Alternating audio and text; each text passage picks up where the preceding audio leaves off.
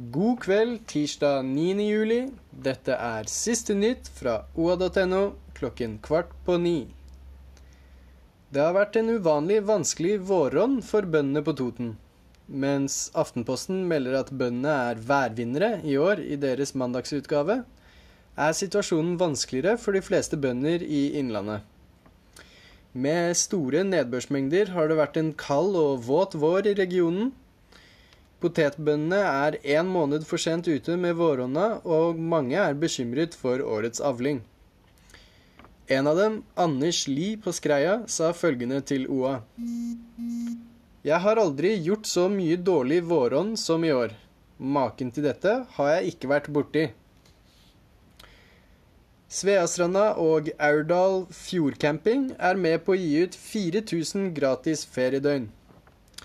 Blå Kors arrangerer prosjektet Hjerterom, et gratis ferietilbud for trengende barnefamilier. I år gir de ut 4000 gratis feriedøgn, og blant de som er med på det, er Sveastranda og Aurdal fjordcamping. Skibladner skal sende ut gratisbilletter som flaskepost.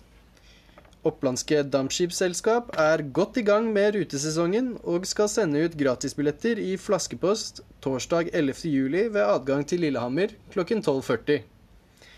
Er du riktig heldig, inneholder en eller flere av flaskepostene et gavekort for to, inkludert den tradisjonsfulle middagen på skipet, laks og jordbær.